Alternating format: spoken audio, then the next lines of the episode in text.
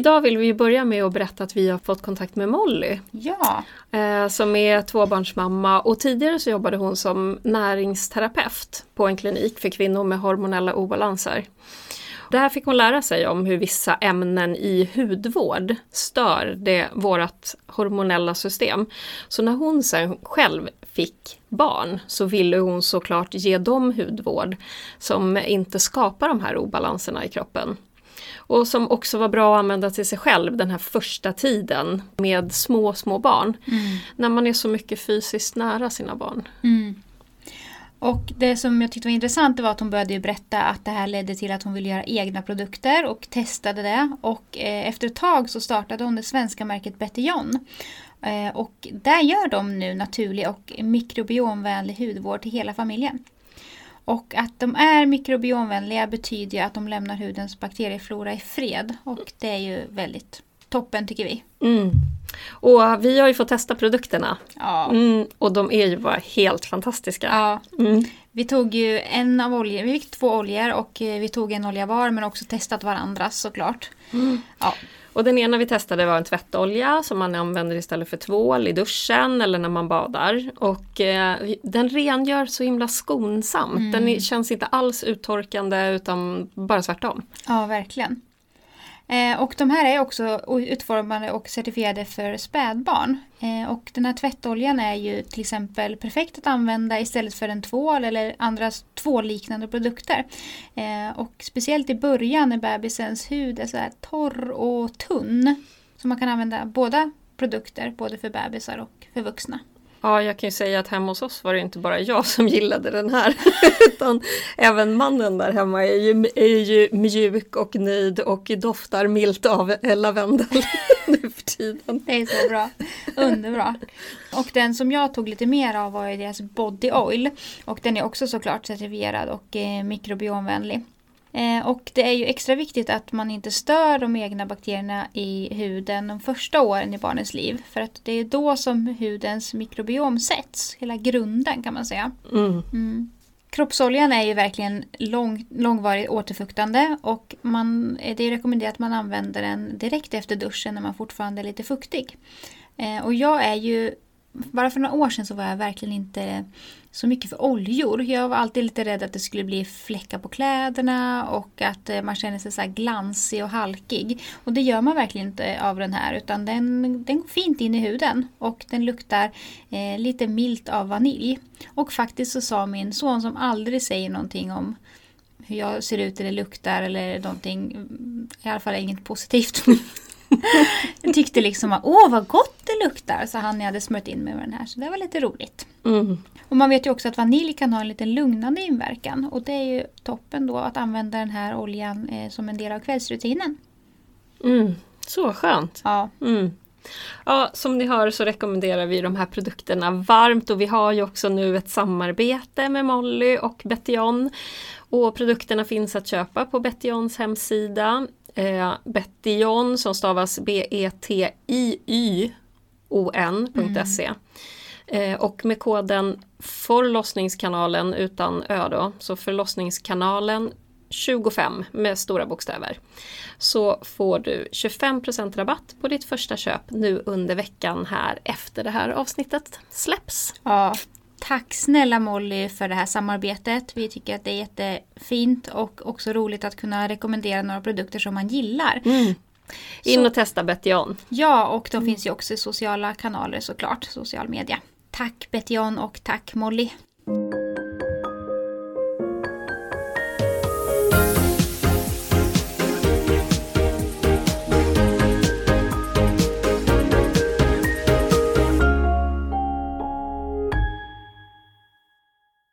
Ja men gud, jag har mina lappar också. Ska du ha anteckningarna? Ingen press. Okej, ska vi börja eller? Ja men det kan vi göra. Ja. Mm. Välkomna till förlossningskanalen allihopa. Det är jag, Anna Bjelkefelt, som är här. Och jag, Åsa Ekman. Och eh, vi ska prata om eh, ja, lite olika saker. Men bland annat behov under graviditet. Ja, hur det kan kännas. Ja, men olika känslor och upplevelser man kan ha under sin graviditet. Så det är ett ganska stort ämne så vi förstår att ehm, ja, vi kommer inte få med allting på en timme. Nej. Men eh, vi ska försöka samla ihop det som vi tänker är viktigt och det som vi möter från de gravida vi träffar. Ja, men framförallt det kanske. Mm. Ja. Mm. Ehm, Eftersom man också tror att man går och är själv i de här känslorna och Ja. Mm. Och det Ganska känner jag igen mig också under min senaste graviditet. Att trots allt jag kan och vet och liksom min erfarenhet så är det ändå som att många gånger var jag så här, nej det är bara jag. Eller Mm. så här, ingen kan relatera till mig nu. Mm. Men eh, det beror också på om man har andra gravida runt sig när man själv är gravid eller inte. Mm. Eller mm, kanske i alla fall kvinnor i sin närhet som nyligen har varit gravida. Mm. Kan det vara lite lättare kanske att relatera. Mm. Men gud, jag måste bara dela en sak Åsa. Innan vi börjar spela in eller prata om just det här som vi ska prata om. Ehm, när jag var på väg hit tänkte jag så här, "Ja, men jag ska lyssna på några av våra första avsnitt av podden. Bara för att se liksom, om folk hittar till oss, om de börjar lyssna från början, vad kommer de att möta? Alltså jag dör. Alltså på riktigt. Jag, jag skrattar, jag börjar gråta eh, för att alltså det är så då- dåligt. Eh, och nu kommer ju ni alla ly- lyssnare gå tillbaka. Ja, precis vad jag lyssna. tänker. Ska jag klippa bort det här eller ska det vara kvar? Nej, men jag tänker det är väl också någonting fint att vi är ju nybörjare i början. Ja, herregud.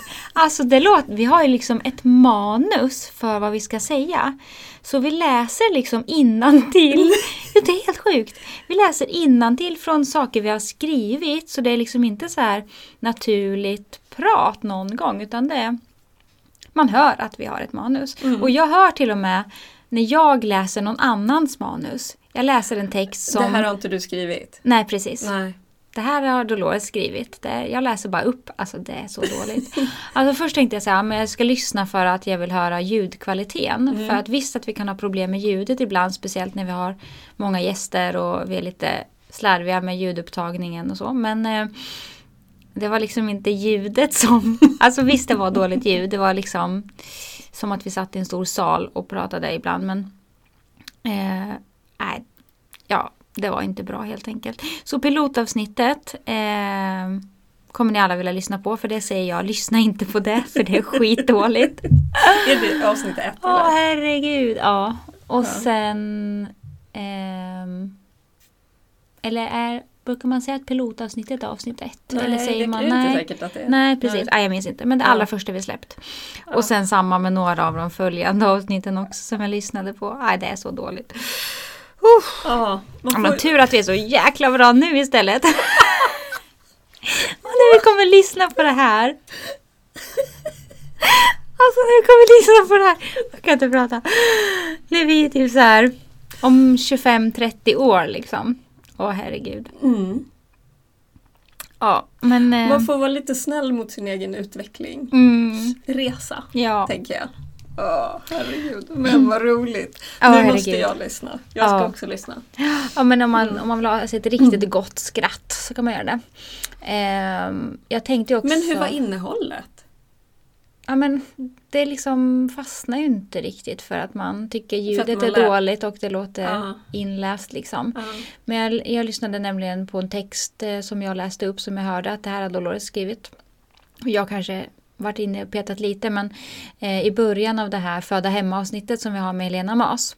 Så jag lyssnade bara på liksom Mm. försnacket innan jingeln och det är jättebra innehåll verkligen.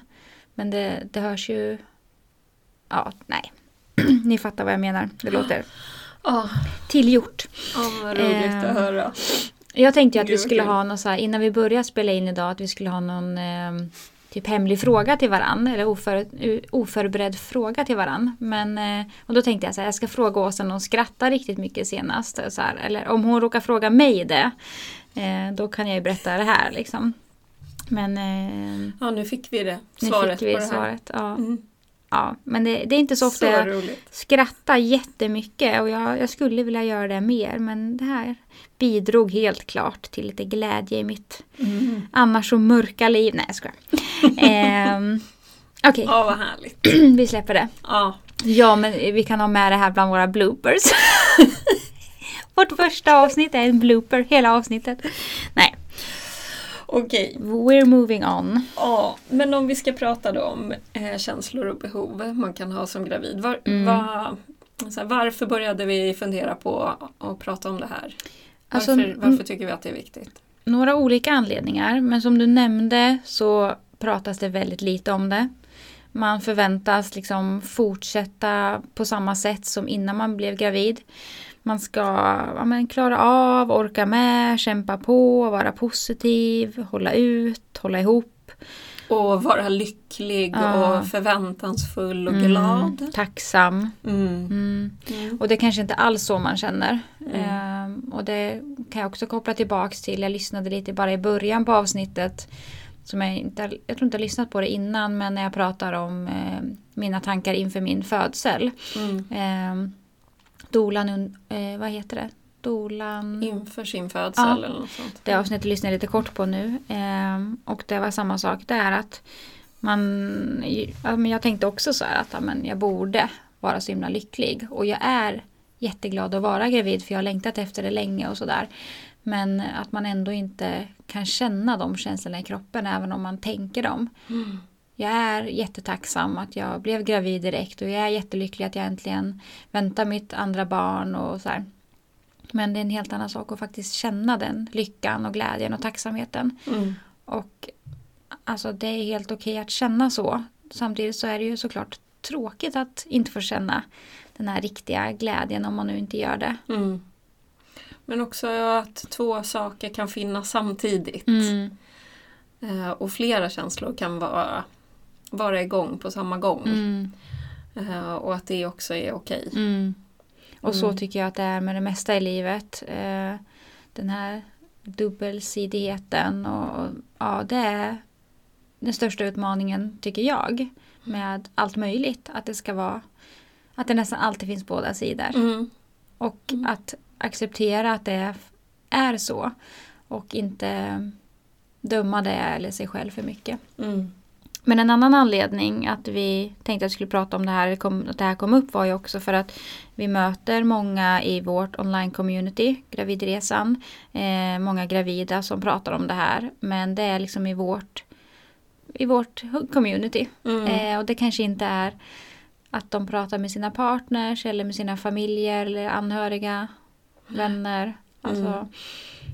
Och sen har vi ju doula-klienter mm. som ja, men kanske på sidan av församtalen som vi ofta har tillsammans med eh, den gravida och eh, partner eller någon annan stödperson. Men att vi kanske får ett samtal på sidan Mm. där man beskriver att man känner sig ensam, ensam i förberedelserna, att kanske partner inte är där på det sätt som man önskar Mm. kanske inte engagerar sig så mycket i graviditeten. Ofta så ser vi kanske partner engagerar sig mycket i det praktiska. Ja. Köper grejer och just det men kanske i de andra känslorna. Ja. Det är som att det är så svårt eh, för många partner att relatera till det. Att det blir så här, men det konkreta, praktiska, det kan jag ordna och så kan man checka de grejerna på listan. Men det är lite svårare att göra en, en check på eh, känslomässig trygghet eller eh, fysisk närhet. Det liksom, Eller bara förståelse och omtanke. ja, och tid ihop och liksom. Mm. Ehm, det är lite sorgligt att det är så. Mm. Och eh, vi har ju väldigt lite community eh, överlag kring liksom, i, i samhället idag oavsett vad det gäller. Men här känns det så oerhört viktigt att ha det. Mm. Och har man det inte från vänner och familj och sådär så är det ju ännu viktigare att åtminstone ha det från den man lever tillsammans med och som man väntar barn med. Mm. Och men det också när man inte har det med sin allra närmsta person, om ens partner nu är det, så, för det ska man inte heller förutsätta, då blir det, det väcker ju väldigt starka känslor. Mm. För det är liksom det här, den här personen har jag valt att skaffa barn med. Och vi har sett fram emot det här så mycket, kan, till exempel. Det är inte alla som gör det, men om vi tänker det. Mm. Så mm, rycker- liksom väcker det många djupa känslor som kan vara jobbiga att hantera, tänker jag. Mm. Och som blir kanske ännu mer förstärkta just av att man är gravid och alla hormoner och omställningar och kroppen förändras. Och, ja. Ja, och just då på om vi ska ta ensamheten som en sån stor punkt mm. Mm, som man faktiskt kan uppleva och känna som gravid och som många känner. Mm. Eh, så kan det ju vara det här, just den här känslan av eh, att jag trodde att det var vi som skulle göra det här, jag känner inte alls att han är närvarande. Eh, att han inte han tar inte på magen eller han fotar inte mig och utvecklingen. Att han inte håller om mig eller eh, är det här stödet i förberedelserna. Mm. Och att man, att man i det blir ensam. Mm. Ja, de här förväntningarna som man kanske har innan på hur det ska vara att vara gravid och vänta barn tillsammans med sin partner till exempel. Um, alltså, det kanske man inte pratar om innan man blir gravid. Och jag gissar att de flesta som lyssnar på det här avsnittet är gravida eller har fått barn redan kanske. Men man skulle ju önska att det här var någonting som man pratade om redan innan man blev gravid. Eller åtminstone mm. väldigt tidigt i graviditeten. Eh, samtidigt kan det vara svårt att veta vad man kommer att ha för behov och känslor. Att, ja, för eh, ofta blir man kanske överrumplad mm. själv som mm. gravid av de här behoven mm. eller känslorna som man har som man kanske inte känner igen sig i. Nej. Och det är ju också inte helt lätt för en partner att förstå vad är det som pågår. Nej. Att man kanske inte känner igen eh, den man lever med. Nej. Eh, och då kan det också vara svårt att möta de behoven. Så att få igång den här kommunikationen, att både uttrycka vad man behöver men också känna att man blir mottagen i det. Ja. Eh, knepigt. Ja. Vi, inte, vi är inte så himla vana kanske att uttrycka våra behov och att det är svårt. Nej precis. Mm. Bara som att liksom man kanske är van som partner att ja, men hon brukar eh, vilja vända ryggen mot och somna själv på kvällarna när vi har pussats godnatt. Eh, men nu vill hon varje kväll att jag ska skeda henne tills hon somnar eller klappa henne på huvudet eller mm. pussa henne i nacken eller klia på ryggen eller vad det kan vara. Eh, och så säger man inte det som gravid så vet ju inte partnern det. Och då kanske man ligger där själv och bara jag vill, jag vill, jag vill, jag vill, jag vill. Ja. Och så, jag tror att det kan vara ganska svårt för många att bara så här säga jag skulle vilja eller jag skulle behöva. Eh, jag skulle må bra av att... Punkt, punkt, punkt. Mm. Eh, men när man gör det så mår man ju oftast mycket, mycket bättre. Speciellt om det kan tas emot på ett bra sätt. Mm. Inte så här, men vadå du brukar alltid vilja somna själv. Jag har svårt att tro att det är så många partners som skulle svara så. Utan mm. många skulle nog bara, åh vad gosigt, får vi lite mer tid ihop. Mm. Om man eh, har en bra relation. Och man vet ju också att relationer som inte är så super tajta och nära eh, mår väldigt bra av att, eller alla, men ha mer fysisk närhet. Att, mm. det, att det kan läka väldigt mycket och skapa mycket kontakt och mm. stärka relationen på ett sätt som gör att det kanske blir lättare sen att prata om saker till exempel. Mm. Om man kan våga sig nära varandra lite. Mm. Eller tvärtom, att man känner att vi behöver, jag behöver prata om hur jag känner under den här graviditeten och vad jag behöver för att kunna släppa in dig sen och skeda mig eller vad det nu kan vara. Mm. Mm, ensamheten, men vi pratade också Anna, du och jag, lite om ensamheten. Så här, eh, eh, kan den också vara bra? Ja. Alltså är det, är det bara dåligt att känna den här? Eh, och då pratade vi om det utifrån att sådär, ja men du står ändå som gravid inför någonting stort, mm. du ska föda ditt barn och det kommer du att behöva göra till stor del själv. Mm. Mm. Även om du har stöd runt omkring dig så ska du gå in i det här. Det är mm. du och din kropp och din bebis som ska göra det här. Um, kan det finnas något stärkande där? Alltså kan man hitta hitta någon styrka i det, tänker du? Ja, absolut. Jag tänker att det här kan låta eh, som att det blir väldigt eh, eh motsägelsefullt. Att eh, vi pratar jättemycket om vikten av stöd och eh, community och liksom ehm, välja sitt stöd och så vidare och att nu så här, nej men det här ska du göra själv och det vi menar om jag ska förtydliga lite är ju att um, du kan ha fantastiskt bra stöd runt omkring dig och det kommer för väldigt många vara avgörande för hur upplevelsen blir. Um, och det kan stärka dig och kommer antagligen att stärka dig i att du litar på att din kropp kan göra det här och så vidare.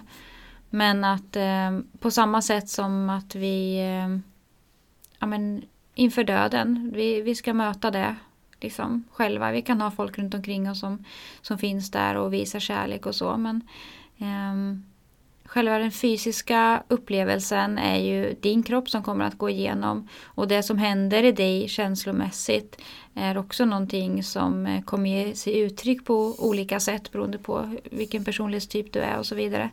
Men eh, det kan man inte lägga över på någon annan.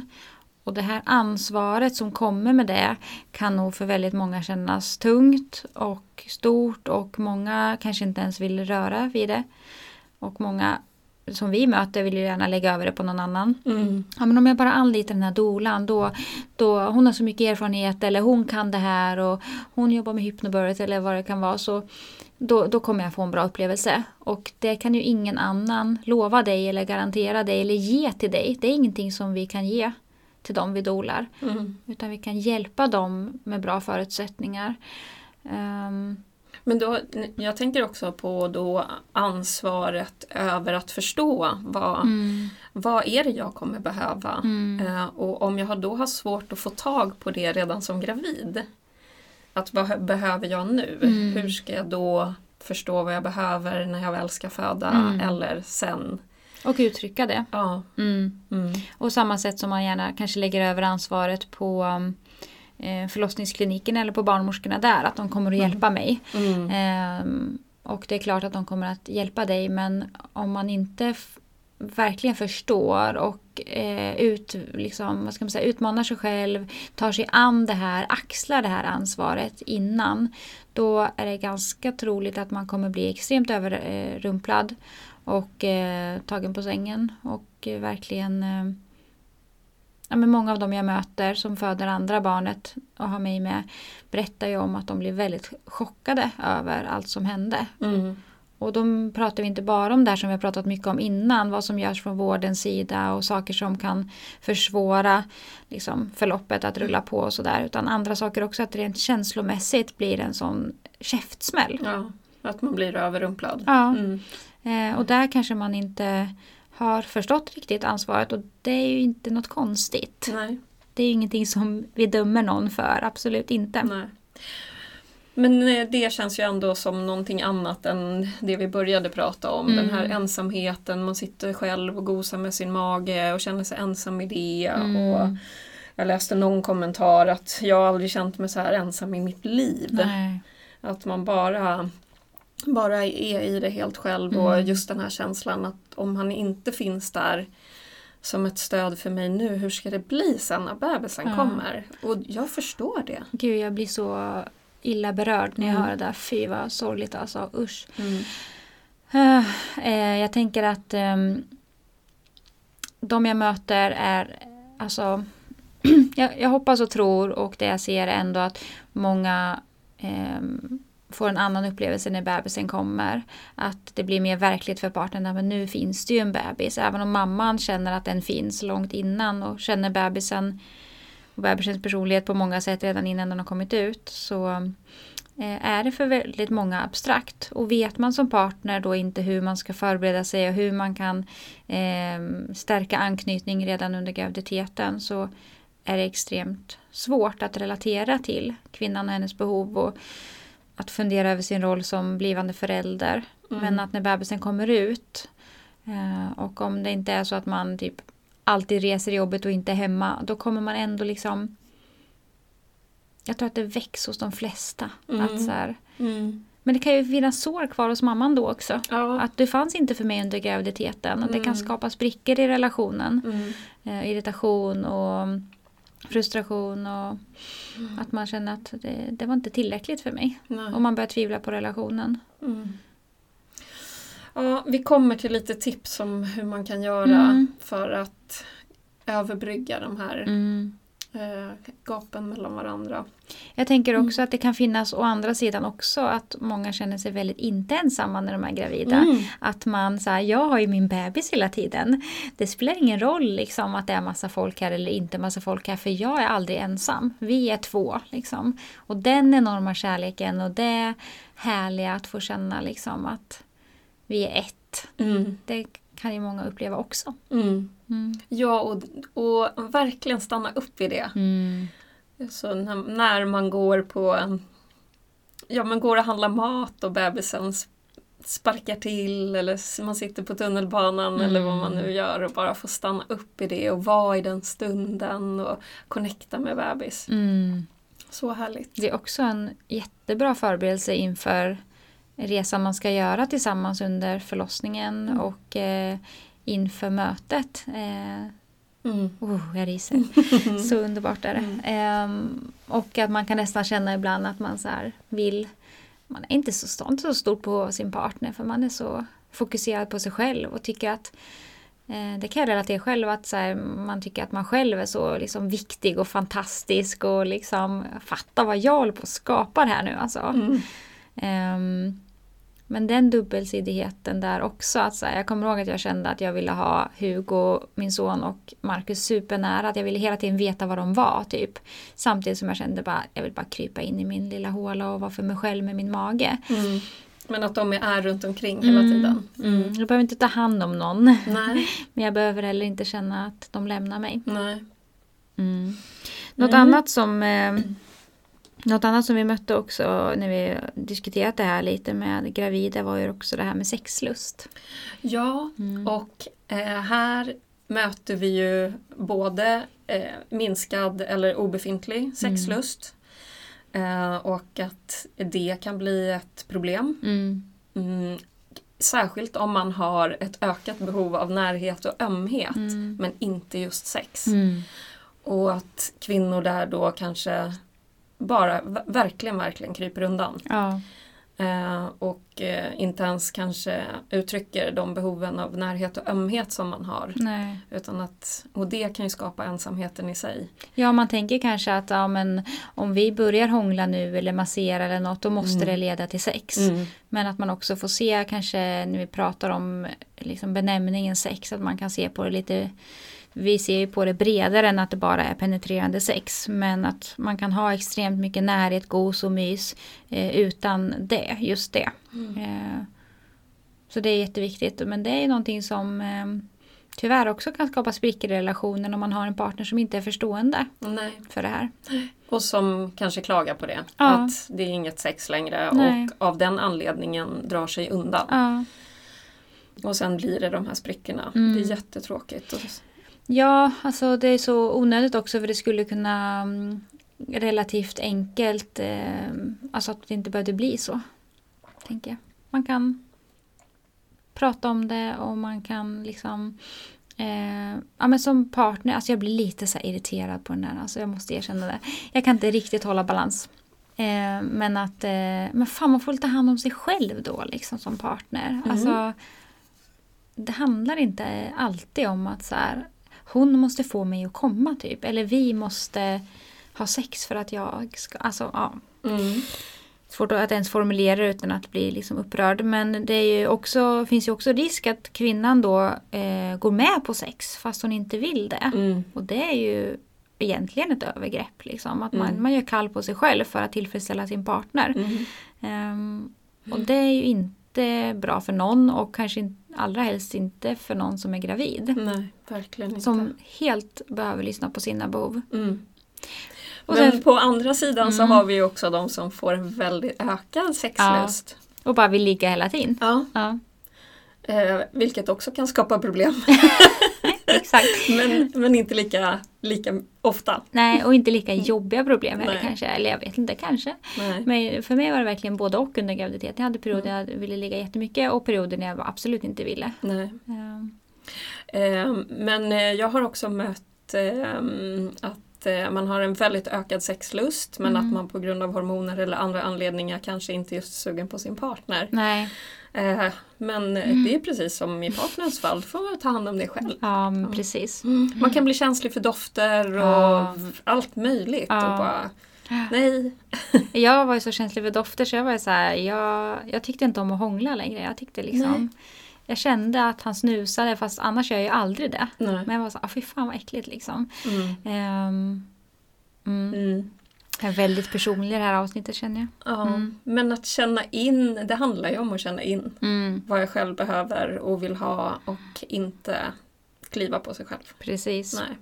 Inte så lätt men det Nej. brukar vara lite lättare under en graviditet än annars i livet för då ja, mm. det, man får lite tydligare signaler. Mm, det får man verkligen. Mm. Men kanske inte helt lätt att uttrycka dem. Nej. Eh, men Anna, ska vi ta några just så lite fysiska eh, känslor och behov mm. eh, som man kan ha? Sömn och vila tänker jag på. Ja. Mm. Gud vad man kan behöva sova och vila när man är gravid. Alltså man kan ju bli helt knockad av... Verkligen, alltså, helt lamslagen. Ja. I bör och spe speciellt i början, mm. kanske också innan någon annan vet. Ja. Man kanske inte har berättat för familj och vänner att man är gravid. Och det enda man vill göra är kanske så här, jobba och sen gå hem och äta och sova. Ja. Mm. Och eh, i slutet också. Ja, när man liksom stänger ja. in sig lite mer. Mm. Och inte är så intresserad av andra människor som jag var. Gud vad jag var osympatisk i slutet av min graviditet. Men jag ska mm. säga så här, jag var sympatisk mot mig själv. Oh. Eh, men, eh, ja, men verkligen i början. Och det är ju, vi rekommenderar ju ändå att man berättar för, eller rekommenderar, men vi uppmuntrar till att man berättar för sina nära under ja, relativt tidigt i graviditeten. Eh, och där vill vi bara liksom ge ett annat perspektiv än det här som man alltid bara får höra. nej, man berättar inte före vecka 12 mm. eh, för att det finns risk för miss, större risk för missfall eller ökad mm. risk. Men eh, man behöver ju ofta väldigt mycket stöd eh, om det blir ett missfall. Mm. Eh, man kanske inte tänker det innan, men det är bara att försöka igen. Men vissa blir helt chockad över hur ett missfall kan kännas och upplevas och känslomässigt. Mm. Mm. Mm. Eh, Både tid. påverka en själv och relationen. Mm. Och, eh, och det är ett, ett, skulle kunna vara ett helt eget avsnitt att prata om. Om mm. missfall och att partnern kanske bara, men vadå, vi bara försöka igen. Mm. Och så är man helt eh, ett svart hål. Eh, men alltså just också för att eh, man kan behöva kanske jobba lite mindre eller alltså ibland vet jag ju mm. folk som de berättar ju för sin chef före de berättar för sin partner eller för sina mm. föräldrar. För, för att, att, man behöver anpassning ja. av ett, på, på något sätt. Mm. Mm. Men jag alltså- tänker att berätta för dem som man känner att de här skulle jag vilja ha stöd från. Mm. Eh, och som kan finnas där för en. Mm. Och också, det kan ju vara väldigt viktigt, speciellt om man har barn sedan tidigare, att folk vet om så att man kan få lite avlastning med de äldre barnen om man behöver mm. vila på helgerna och mm. kanske inte orkar gå och hämta varje eftermiddag för att man, man är mm. trött. Liksom. Och mot slutet av graviditeten som du sa också för både för att man vill gå inåt och vila mer mm. och ladda inför födseln. Precis. Men ofta så sover man ju också sämre ja. mot slutet. För man är uppe och kissar åtta gånger per natt och det är svårt att hitta sköna sovställningar och sådär. Mm. Um, så det kring sömn och vila. Mm. Så här, försök att se till att få den vilan. Vi behöver liksom inte köra på och hålla ihop Nej. Och att vara gravid är minsann ingen sjukdom. Nej. Eh, nej, och det är det ju inte men vi kan ju fortfarande ha behov. Ja men exakt och väldigt mm. förändrade behov jämfört med annars. Mm. Mm. Och sen ska vi säga någonting om det här med näring då. Mm. Ehm, I kombination med trötthet kanske. Mm. För det kan ju också skapa en väldig trötthet om vi inte får i oss riktigt det vi behöver. Precis och det är samma där. Det är framförallt väldigt mycket i början när man kanske mår illa och inte känner för att äta nästan någonting. Mm. Eh, då är det klart att kroppen inte orkar för den håller på och bygger ett barn mm. och så äter man inte ordentligt för det går inte. Då kommer behovet av vila och sömn vara ännu större. Mm.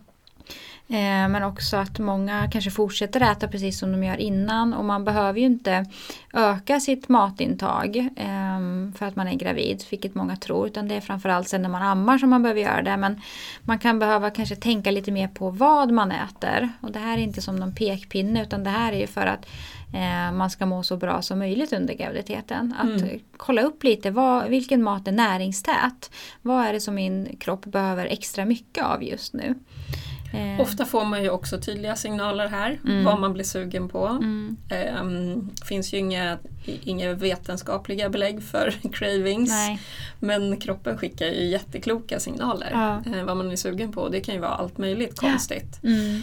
Ehm, så ehm, lyssna på kroppen. Men jag tänker också att man som partner ehm, också kan hjälpa till här mm. och inte alltid bara gå på det hon är sugen på Nej. utan faktiskt också hjälpa till och ställa fram saker mm. som man vet är bra. Ja, inte så här om hon bara är sugen på pannkakor och grädde och sylt kanske man kan mm. ställa fram lite morotsstavar eller ja. broccoli eller någonting annat. Det är lite som, eh, man får tänka lite som kring barn. Ja. Ge lite olika alternativ och, så. Knuffa på lite. Ja men exakt. Mm. Men till exempel så är det många som är sugna på lakrits. Eh, och eh, man läser lite på om, om lakrits och vad det gör med, med kroppen och varför man är rekommenderad att inte äta så mycket lakrits under graviditet så är det lite blodtryckshöjande. Mm. Eh, och jag tänker att jag har alltid haft väldigt lågt blodtryck så för mig var det ganska logiskt att faktiskt äta någonting som höjer blodtrycket mm. lite. Och det är ganska vanligt mm. med lågt blodtryck. Ja, och ganska mm. vanligt att man blir sugen på just det. Så att, eh, När man är gravid. Ja, mm. precis. Mm. Det är inte bara gott i annars. Nej men exakt. Alltså. Men eh, det vi kan nämna också det är det här med folsyra och det är ju mm. bra att börja äta egentligen redan innan man blir gravid för mm. att öka på det i kroppen. Och järn är ju en annan sån som man brukar känna av ordentligt. Mm. Mm. Eh, och här kan man ju redan tidigt i graviditeten, eh, redan innan mm. graviditeten börja fylla på järndepåerna. Mm. Äta mat som är eh, rik på järn. Eh, fram med eh, gjutjärnspannor och mm. grytor och mm. jobba på med det. Mm. Men det är inte alltid som det räcker Nej. under graviditeten. Nej. Eh, och det här med järn skulle vi kunna också diskutera typ bara ett helt avsnitt för det är så intressant att man inte rekommenderar det i alla andra länder. Mm. Eh, utan att det är väldigt mycket här i Sverige och ja, men några fler, jag har inte superbra koll, men några fler nordliga länder. men eh, i andra länder så är det mer så här, ja men du är väldigt trött nu eh, och då behöver du ta det mer lugnt. Mm. Här är det mer som att, ja men är du trött, ja men du har lite låga järnvärden, öka på med det så att du orkar vara en del av ekorrhjulet igen. Mm. Så jag ifrågasätter det lite starkt. Samtidigt ska mm. man självklart inte gå runt och må jättedåligt och vara trött om man enkelt kan ordna det med järntabletter. Men eh, för väldigt många skulle det nog bli enormt stor skillnad genom att bara äta eh, bättre järn. Alltså finns det bättre järn. För det finns ju järn och järn om man säger så. Det kan mm. man läsa på mer om med hemjärn och så vidare. Mm. Um, och med vila så skulle mm. man kanske ändå orka stå på benen. Mm. mm. Ja, vad har vi som nästa punkt? Eh, vi har ju jättemycket. Vi har pratat lite om det här med att känna sig trygg med sin partner. Eh, Men kan vi inte ta ett varv kring att sådär, inte känna sig trygg med sin partner inför födseln? Mm. För det kan vi ju ändå eh, det har jag mött. Mm. Att så men jag vill egentligen inte att min partner ska vara med. Nej. Den är, och där kan man ju få möta allt möjligt mm. skammande. Mm. Eh, allt ifrån att man är taskig, mm. som eh, det är hans barn också. Eller, Hans rättighet. Ja, precis. Um, samtidigt som det är du som ska föda och uh, du behöver ha rätt personer i rummet. Mm. Jag tror att ehm. fler känner det här än vad som faktiskt säger det. Ja, alltså för det är så det. skamfyllt att säga det. Ja, alltså, jag tror också det. Eh, och kanske, vi kanske möter det mer. Mm. Eh, för det kanske också är en anledning till att man har med sig en dola eller att man tar med sig en syster mm. eller en mm. vän. Mm, men här möter vi också att det är just det partnern som sätter sig emot det. Mm. Eh, så att försöka borra lite mer i vad handlar det här om? vad är det som gör att du inte vill ha din partner med dig Mm. när du ska föda? Ehm, och går det, går det att lösa? Eh, kan, vi, kan, kan man hitta sätt eh, att närma sig varandra? Vi pratar ju också om att i, i det födande rummet att vi tar olika roller. Och är man bara jättetydlig med det, att jag vill inte ha dig här, jag vill inte ha något klapp på pannan eller men du kan få sköta eh, mat och dryck eller Kommunicera med Kom- personalen. Ja, eller? Mm. eller familjen, hålla familjen uppdaterad. Alltså, vad, vad är, vilken roll Mm. kan partnern ha i rummet? Mm. Men eh, det är ju också din fulla rätt, tycker jag. Absolut. Att säga att nej, Absolut. det är okej. Mm. Ja, och det här är en ganska stor fråga och någonting som vi inte kan gå in och liksom psykologisera för mycket som doler. Men eh, det är egentligen en så pass stor fråga att man önskar att så här, vad de skulle behöva gå och prata med någon eh, Mm. kunnig. Liksom, Mm. För att eh, å ena sidan kan man tänka så här, men partnern får fundera över vad kan hen bidra med i rummet när kvinnan inte vill ha hen nära till Mm. exempel. Ehm, men det kan ju också bli då att kvinnan inte får sina behov tillgodosedda. Alltså för Mm. att partnern inte klarar av att göra det till exempel. Så Mm. det är ju verkligen åt två håll där. Partnern behöver hitta sin roll och kanske hjälp med det. Men kvinnan behöver också känna att eh, hon får det stöd som hon behöver. Eh, om det nu är...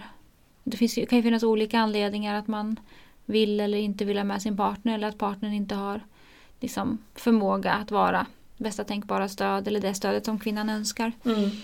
Ehm, Ja, det kan ju finnas massor med anledningar till det, mm. såklart. Det kan ju vara liksom sjukhusrädsla, men det kan också vara psykisk ohälsa. Mm. Ehm, Ja, det, det möter vi ju en del Mm. kring olika diagnoser, att Mm. man har problem. Mm, men eh, har du mött eh, att det är någon partner som inte vill vara med? Nej, jag har aldrig mött en partner som inte vill vara med. Ehm, men jag har mött några där partnern har eh, tydligt uttryckt att eh, jag eh, vill inte se blod, eh, jag eh, är jätte liksom, orolig för att höra henne skrika eller om hon är ledsen så kommer jag liksom, ja, men, jag har ändå satt fingret på någonstans tillsammans när vi har pratat att det väcker väldigt jobbiga känslor att se Eh, den man älskar har det tufft. Ehm, och där pratar vi mycket om det här med att bara för att man har det tufft och kanske gråter och skriker behöver inte det betyda att man lider. Ehm, och att ju mer man vet om vad som händer under en födsel rent fysiologiskt och hur det kan kännas upp, liksom upplevas rent känslomässigt så eh, ökar ju förståelsen från många att eh, det här är någonting som hon behöver gå igenom och eh, det är inte farligt. Mm. Eh, då kan ju ändå många med rätt stöd på plats också klara av att vara ett bra eller i alla fall ett helt okej stöd. Mm. Men jag har inte mött någon som så inte vill vara med. Förutom att man, man har dolat några självstående där partnern har så här, men de har, de har separerat men mm. Mm. liksom, pappan ska vara med under sen när bebisen finns men mamman kanske ändå har valt att inte ha med partnern under Mm. förlossningen. Eh, och sen har jag varit med på några födslar där partnern inte har kunnat vara det stödet som mamman har velat ha. Men då är det ju superbra att de Mamman kanske någonstans anade att det här, Att det sker, Ja. att man märker det i stunden. Ja. precis. Mm. Och därför tänker jag att man som partner har ett jättestort jobb att göra Mm. inför födseln. Att förbereda sig själv. Vad känner jag inför födseln? Vad har jag för oro? Vilka situationer kanske jag känner att jag blir överrumplad? För det är någonting annat att Mm. stötta vid en födsel än vad det är att vara ett stöd i vardagen. Ja. För den hör vi ofta. Så här, men han är så lugn och trygg och han kommer att vara där. Mm. Mm. Men ofta är det någonting annat och man kan som partner bli överrumplad av det som sker. Ja, man kan ju Mm. tänka här, men vi har gått igenom jobbiga saker tillsammans, man kanske har förlorat någon anhörig eller man har varit med om någon typ av trauma liksom. Men det, är, det här är ändå något helt unikt. Alltså en Mm. helt unik situation. Eh, och man vet kanske inte heller hur reagerar man på den här situationen där, när man har extrem sömnbrist till exempel. För det kanske Ja. tar väldigt lång tid. Eller man kan inte lämna kvinnan för, man, för att äta för att hon tillåter inte det. Liksom. Mm. Eh, och allt det som väcks i en kanske man många gånger inte alls är förberedd på. Mm. Mm. Okej, några andra känslor. Mm. Vi pratade lite om att man kan eh, både känna sig glad och inte glad. Man kan känna sig orolig och deppig. Ehm, fullt naturligt. Mm. Den här med, ska vi ta den här att man har med dåligt samvete inför syskon? Mm. Både liksom under graviditeten kanske man känner att jag orkar inte leka med mitt äldsta barn eh, Mm. så mycket som hen skulle vilja. Mm. Eh, jag känner mig inte lika liksom, intresserad av att vad det nu kan vara, lyssna på när barnet eh, pratar om sin dag eller eh, sin fritidsaktivitet eller en konflikt eller vad det nu är. Utan man kanske är lite mer instängd. Och det kan ge extremt mycket dåligt samvete, det kan Mm. jag skriva under på. Men också det här att man funderar sig, men hur ska jag ha tid för den här ungen när det kommer en bebis och hur ska Ja. jag orka med då? Mm. Eh, och ska kärleken räcka till och allt det här. Mm. Men min upplevelse med kärleken är ju bara att den dubblas ju. Ju Mm. fler barn man får så blir den bara större och större. Så var det i alla fall för mig. Men det är klart att man kan uppleva det olika väldigt mycket beroende på vilket stöd man får och hur man mår rent psykiskt efter födseln. Efteråt, ja. Mm. Mm. Ja, här finns det ju allt Ja, ifrån hela att, spektrat. precis det, att kärleken dubblas till att man faktiskt ångrar sig. Ja. Så det är ju Mm. ett väldigt brett spann. Ja. Mm. Men ofta här rör det just till stöd och Mm. andra saker som händer. Än kanske just att det har kommit ett till barn, Precis. Och att bara det är alla känslor är övergående. Mm. alla händelser är övergående. Allt har ett slut. Mm. Ehm, Förändrade känslor till sin partner är också någonting som vi möter. Mm. Eh, och här tänker jag att vi behöver vara medvetna om att det händer massor med saker i kroppen. Det här hormonpåslaget som vi har som gravida Mm. är ju inte riktigt det vi är vana vid. Nej. Eh, och det kan verkligen påverka hur vi känner för partnern. Alltså det är också meningen tänker jag att vi ska ifrågasätta vår partner under graviditeten. Har jag valt en bra pappa till mina barn Mm. eller om det är en kvinna. Alltså har jag valt en Mm. bra partner. Det är så här, det, jag måste fan testa det lite nu om jag ska våga sätta det här världen, barnet till världen och fortsätta leva i den här relationen. Eh, Och bara för att man kommer fram till att nej, han är fan inget bra stöd under graviditeten så behöver man ju kanske inte dra för stora växlar på det. Nej, Utan eh, det kan eh, develop, vad heter det? utvecklas. Utvecklas eh, Mm. senare Mm. till någonting jättefint. Och speciellt när partnern också får chans att eh, rent fysiskt knyta an till bebisen. Mm. Och det är ju inte helt ovanligt eh, att eh, man till en del separerar ju till och med under graviditeten men faktiskt hittar tillbaka till varandra sen. Mm. Eh, så att, att man, det här kan man ha med sig lite. Det är klart att de känner man att nej det här är ju inte vad jag vill ha. Men, men att ha den med sig. Mm. Att ja, jag kanske inte är där jag brukar vara. Precis, det är ju, jag kan inte benämna det nog mycket eller understryka det att liksom det är två helt olika resor som man gör som gravid och som partner. Alltså under en graviditet. Det är två helt, helt olika resor.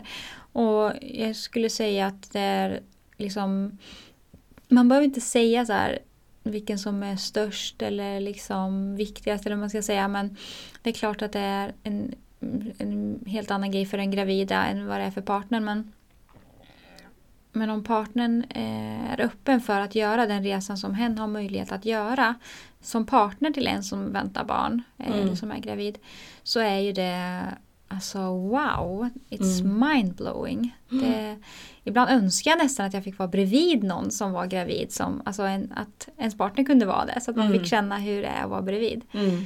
För att man har också möjlighet att påverka det här så extremt mycket Mm. åt det ena eller andra hållet. Det är Mm. ganska mycket makt faktiskt. Mm. Eh, och den ska man förvalta med ömhet, kärlek. Mm.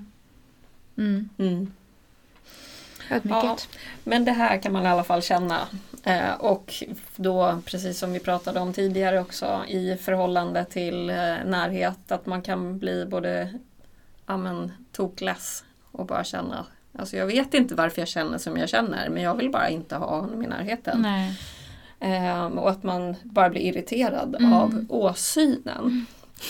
Det Eller- jobbigt. Ja, fruktansvärt. Jättejobbigt. Ja. Alltså jag tror att många får dåligt samvete av det också. Jag tror också det. Ja. Och, så börjar, och så slår man på sig själv en gång till. ja, precis. Mm.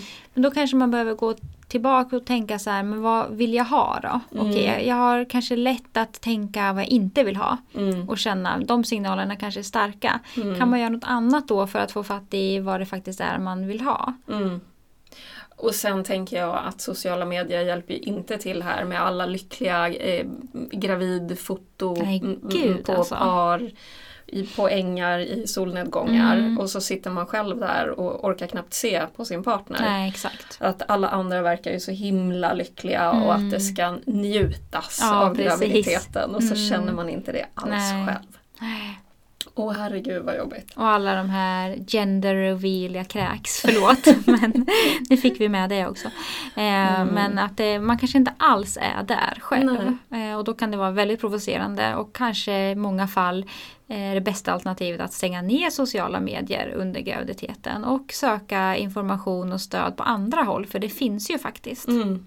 Man måste inte vara på Instagram. Vad är det just vi behöver? Mm. Eh, för ni ska ju faktiskt ha barn tillsammans Mm, snart. Eh, mm. och hur, hur kan ni göra det? Mm. Skapa Och den jag kontakten. tänker för de som är självstående att se de här bilderna kan det också vara extremt. Eh, väcka väldigt mycket sorg. Verkligen. Att så, ha, alla verkar ju ha en partner som är gravida. Mm. Det är liksom, Mm. Men man kanske inte går på en gravidfotografering när man inte har en partner. Mm. Ehm, så att jag tänker att ja, det, kan vi, det är en annan diskussion men att ta ansvar för vad man delar lite ibland. För Mm. att alla har inte en partner. Alla är inte två i en relation eller en blivande föräldrar. Att, ja. Mm. Alla är Ja. inte lyckliga och eh, längtar efter bebisen som man tänker att man måste eller borde. Det Nej. finns så mycket mer. Nej, och är det så så kanske man inte visar det på, på sociala medier. Exakt. Mm, jag tycker ändå att det börjar visas lite mer, Mm. mer och mer även baksidorna och det Mm. som kan kännas tufft och jobbigt. Mm, Vilket känns mer autentiskt och på riktigt. absolut. Så, mm. Samtidigt så liksom, jag kan bli lite så här, men varför måste man filma sig själv när man sitter och gråter och lägga upp det? Alltså jag vet inte. Eh, var, varför gör man det? För att Liksom? man kanske känner sig ensam. Ja, men liksom, Och det finns andra. Ja, tänker Mm. man då att jag lägger upp det här för att få liksom kontakt med andra eller medlidande eller jag vet inte. Nej, men kanske kontakt med andra tänker jag. Mm. Som känner likadant. Mm. Mm, det kan ju vara den kontakten man har. Ja. Eh, för något annat som vi har behov av. Det är det vanliga våran, i våra diskussioner. Och så här, jag dömer och du tillåter. Jag försöker vrida på det för att hitta perspektiv Ja, av olika... Underbart. För jag tror att vi... Det finns liksom inte one size fits Nej, all utan gud, det är nej. så många olika varianter. Mm. Men någonting som vi, eh, som nästan alla uttrycker, det är ju eh, känslan av community, vänner och Mm. familj. Och även här är det ju många som uttrycker att de känner sig ensamma, Mm. övergivna av vänner. Eh, kanske är man den första i, eh, i gänget som får barn, kanske man mår dåligt och helt plötsligt blir man hemma och ingen hör av sig. Mm. Ja, det kan Mm. vara både svårt att vara den som är först i gänget och få barn eller liksom i släkten. Eh, för att då kanske det inte är så många som typ fattar vad man går igenom eller liksom man tycker att det är hur stort som helst och ingen liksom fixar baby shower eller mother blessing eller mm, frågar mer än typ mår du illa eller så. Men Mm. Eh, det kan också vara svårt om man är den som är sist att få barn för då, har, liksom, då är det så här, "Ah, ja men alla har redan barn, det är inte så stort. Och alla liksom. har fullt upp med sina små Ja, barn. exakt. Ja. Så då kan ingen finnas där av den anledningen istället. Nej. Så det, det finns ingen kanske perfekt tillfälle om man nu tänker att man skulle kunna styra det. Mm. Men eh,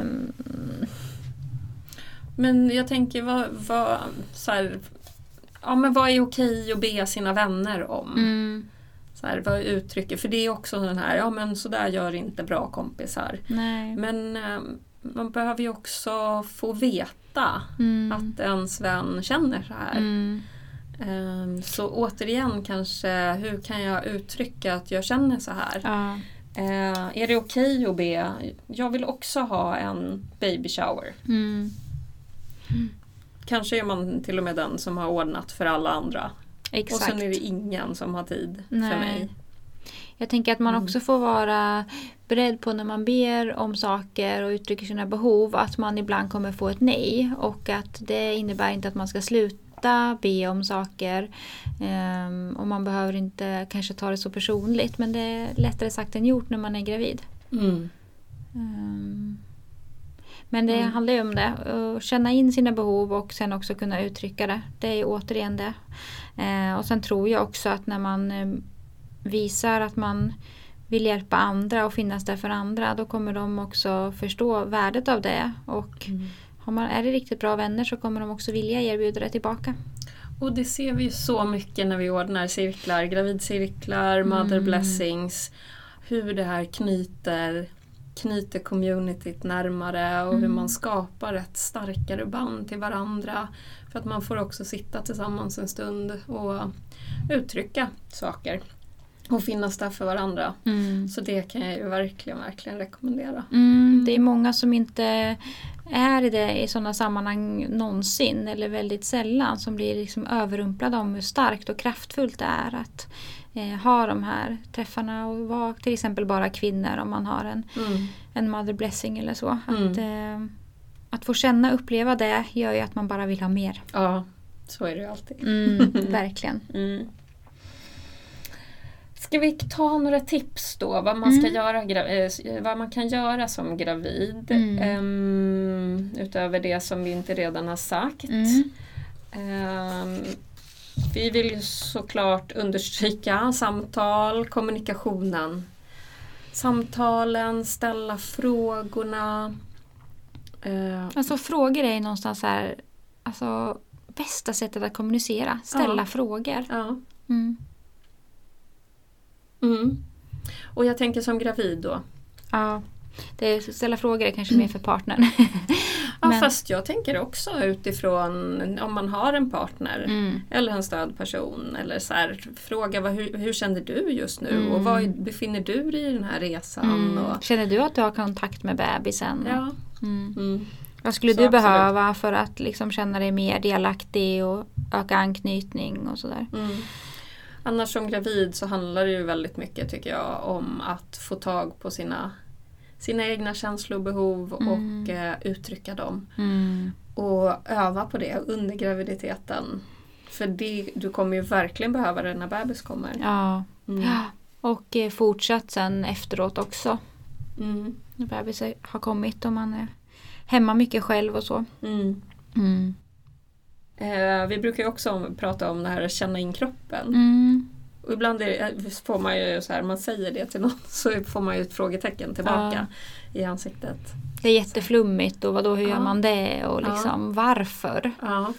Det kan vi återigen koppla till som vi har pratat lite om innan det här med hjärnvågor. Att vi behöver droppa ner i våra hjärnvågor för att komma i kontakt med eh, vad vi har för behov. Mm. Vi kan inte vara uppe i huvudet, vi kan inte tänka ut vilka behov vi har. Man kan tänka så här, de här behoven är vanliga och har jag tillfredsställt mat och sömn typ, då mm, liksom, borde jag vara OK. Men Mm. det är så mycket mer än det när man är gravid. Mm. Och annars i livet också tänker jag att man har olika behov, eh, olika saker som man behöver för att må bättre. Och då behöver man eh, göra något annat än att bara tänka. Mm. Mm.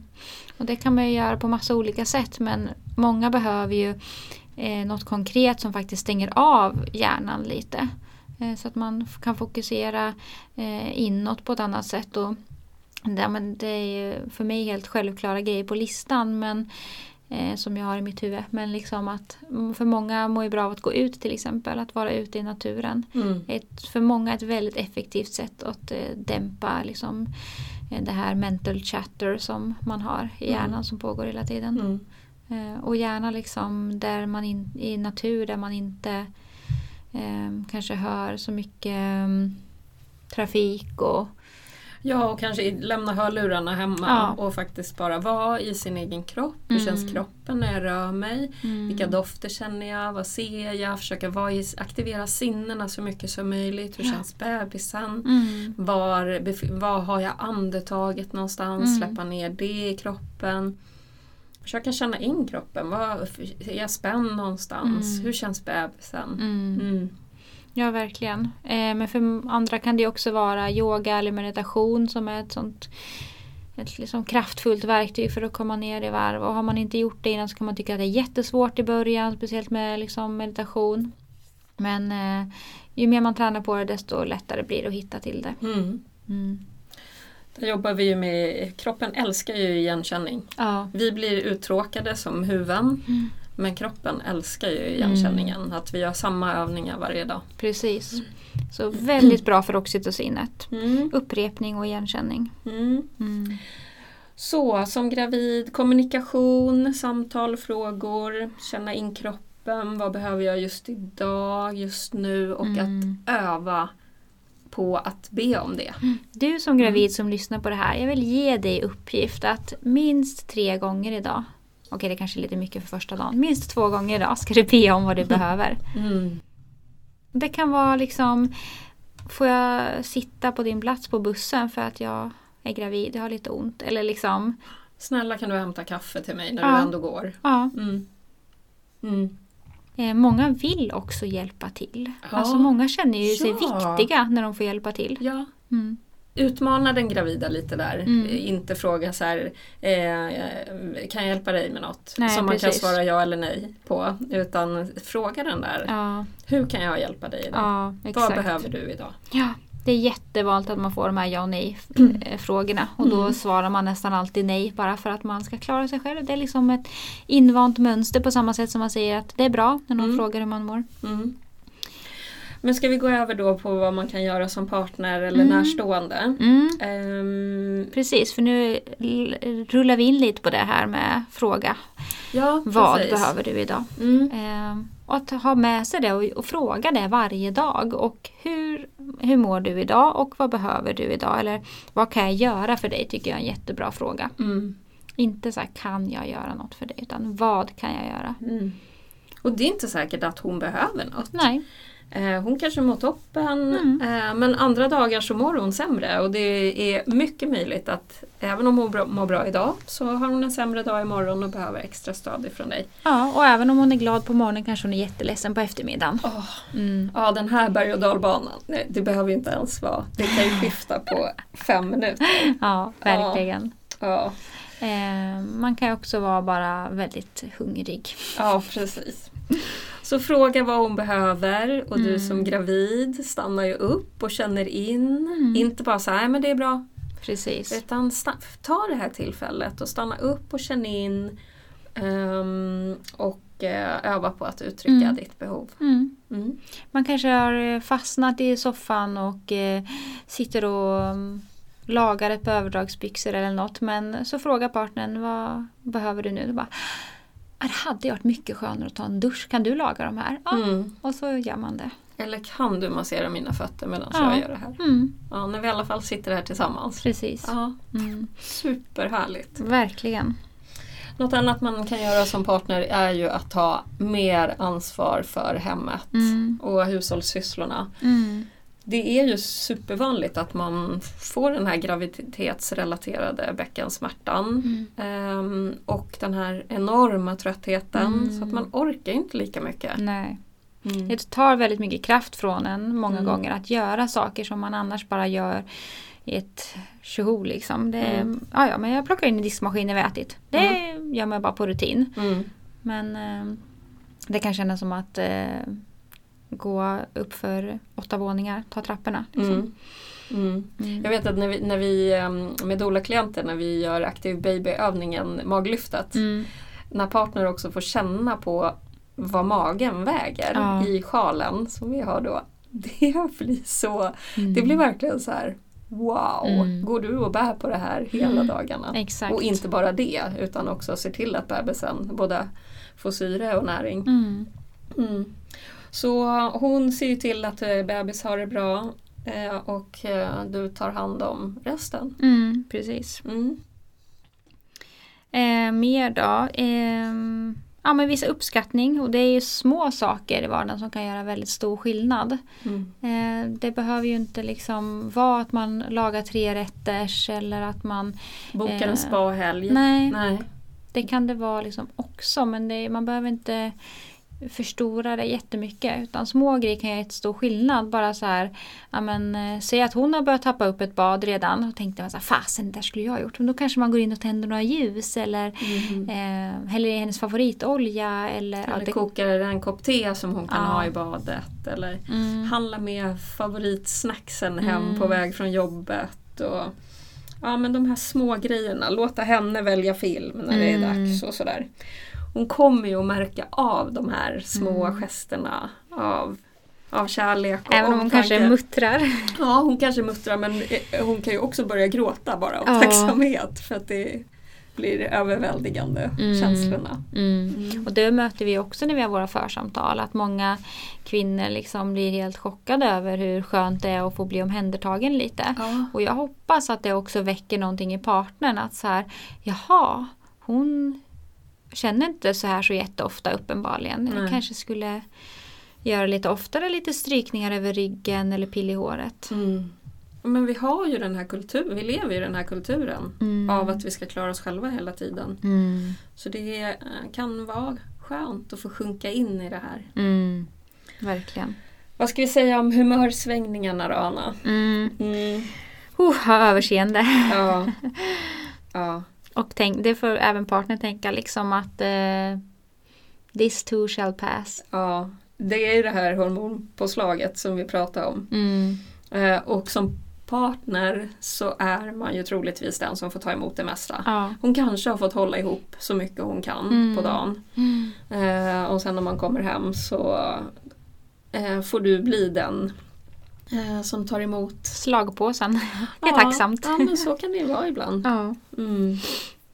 ja, och då kan det ju vara eh, något behov som inte har blivit tillgodosett. Mm. Men det kan också bara vara just hormoner och att hon inte ens vet eller kan känna in eller hon kanske bara behöver lägga sig på soffan med fötterna högt. Som Liksom. gråta lite. Ja.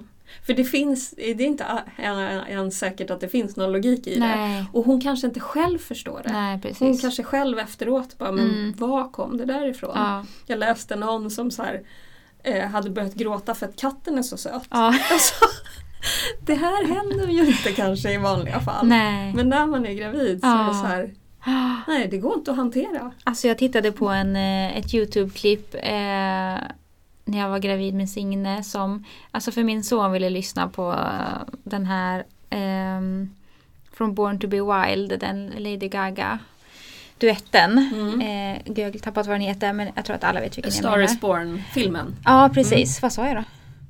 Mm. Sa jag inte det? Sa du det? Nej det sa jag Okej, inte. jag kanske inte lyssnar. Born to be wild kanske jag sa. Jag- Jag är inte gravid trots förvirring. Eh, nej men A Star is Born. Eh, och eh, då kom det upp ett klipp eh, där en liten tjej som är typ kanske fyra fem år sitter och sjunger den här. Alltså hon är ju engelsktalande men hon sjunger det på engelska och hennes pappa spelar gitarr till. Åh gud vad jag grät. Åh jag grät. Åh jag grät. Och jag, alltså jag bara det här är så fruktansvärt gulligt. Jag Men får panik Hugo? liksom. Han tyckte jag var jätteknäpp. Och Marcus, han, Marcus blev också chockad liksom. Men alltså gud det var så gulligt. Och hjälp vad gulligt. Hur kan man ens vara så där söt och sjunga? Åh, vad fint. Så det är igenkänning på den. Det här Ja. att man inte fattar var det kommer ifrån alltså. Så som partner får man ju bara ta ett extra Mm. andetag här. Mm. Eh, och eh, tänka att det kanske inte alltid är min vanliga. Exakt. Och det kan ju vara gråt av för att någonting är extremt gulligt. Det kan också vara gråt för att man tycker att någonting är fruktansvärt hemskt. Det kan ju Ja. vara liksom, ja men... eh, Men kolla Jag på världen. Ja, men kolla ja. på världen. ja, Och så ska jag, hur, hur, ja. kan man sätta barn till den här världen som brinner? Och det kan också vara något extremt litet. Bara, alltså jag tappade mina nycklar, jag kunde inte böja mig ner och ta upp dem. Så Nej. börjar man gråta liksom. Ja. Så det kan vara stort och smått. Åh, Det är inte lätt alla gånger att vara gravid. nej. Eh, men eh, ta ett andetag eller två kanske. Mm. Eh, och kom ihåg att, att gråta är också läkning. Ja, Mm. och en outlet. Mm. Så, så skönt att få släppa det ibland. Mm. Mm. Oj, oj, vad tiden springer iväg. Mm. Eh, vad ska vi avsluta med här lite då? Men ska vi avsluta med lite, vad, vad kan man ha för behov som partner? Mm. Nu har vi raddat upp saker som man som Mm. partner kan göra. Ja, prata Mm. med andra blivande föräldrar. Eller hur? Alltså om du är blivande pappa, prata med andra blivande pappor men också andra blivande mammor. Eh, då kan du kanske förstå din partner bättre. Mm.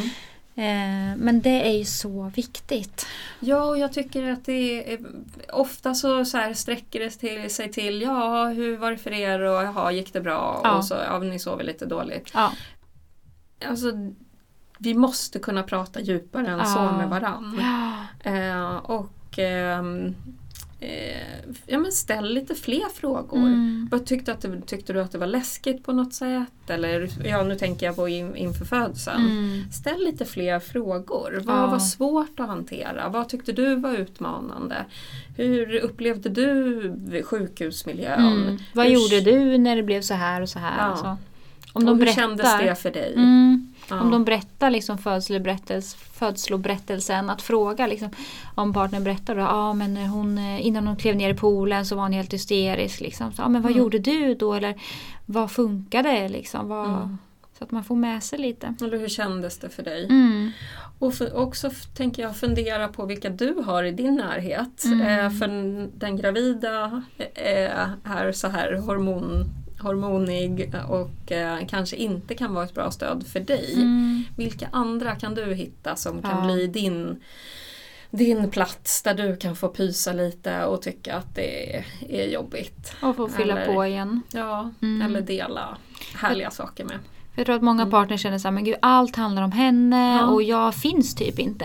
Eh, men hon som, Åsa, som du Åsa säger kanske inte kan finnas för dig. Mm, Och då behöver man ha någon annan. mm, att man inte förväntar sig att det ska vara en helt jämlik relation när den ena är gravid. mm. Eh, utan det kommer vara annorlunda Mm. antagligen. Med största sannolikhet annorlunda jämfört med innan graviditeten. Och ska vi inte skapa en samtalsmall här? Mm. Vi har ju samtalsmallar på gravidresan Mm. som är superuppskattade hur man kan prata eh, med sin eh, partner eh, i graviditeten. Men samtal mellan partners Ja, som man kan ta med sig till Mm. sitt gäng. Mm. Det borde vi göra. Ja, verkligen. För Ja, det här... Skriv det på listan. Ja, det här finns ju alldeles för lite av. Mm. Och papporna och de blivande medföräldrarna här behöver ju också stöd och eh, community. Mm. Så ett slag för det. Yes. Gud vad vi har babblat. Verkligen, jag är helt trött i, Trött i trött i käkarna. prat, pratkvarnen. Exakt. Ja.